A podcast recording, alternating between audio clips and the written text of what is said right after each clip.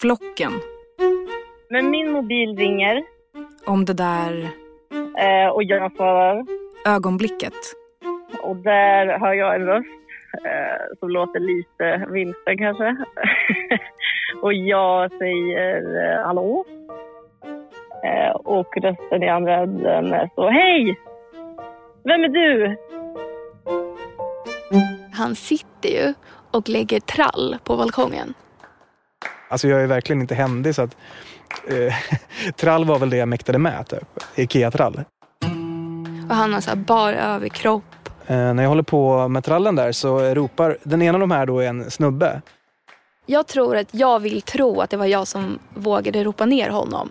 Och Men egentligen så är det Rasmus då, Linneas kompis, eh, när jag håller på med trallen där så ropar som bara “Hallå, Går det bra? Eller typ något sånt där. vill du dö? Du sitter där själv” för att då har han suttit på balkongen själv ett tag. Så han bara ah, “Du sitter själv, typ. vill du inte komma ner och hänga med oss istället?” Så jag spenderade väl liksom dagen typ ute på balkongen.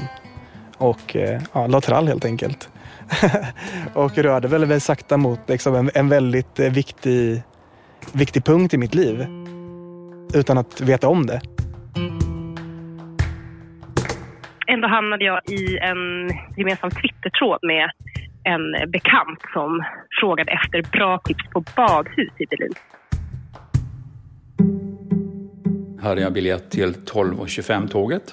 Kom ner på stationen och eh, gick in i Pressbyrån för att köpa en tidning och lite godis tror jag. Jag var inne och handlade någonting, Och framför mig så står en kvinna.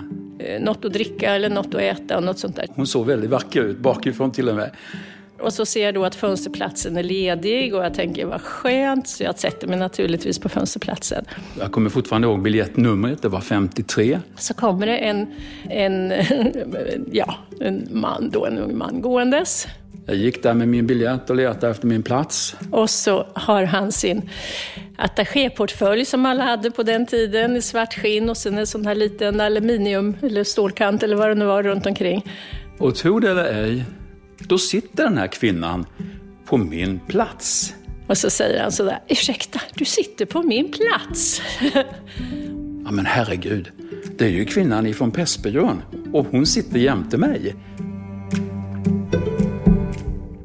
Det var eh, tidig vår, lite kallt i luften ehm, och jag eh, känner att någon tittar på mig.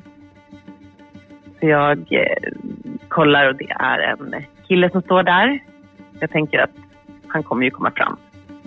Snart. I flocken.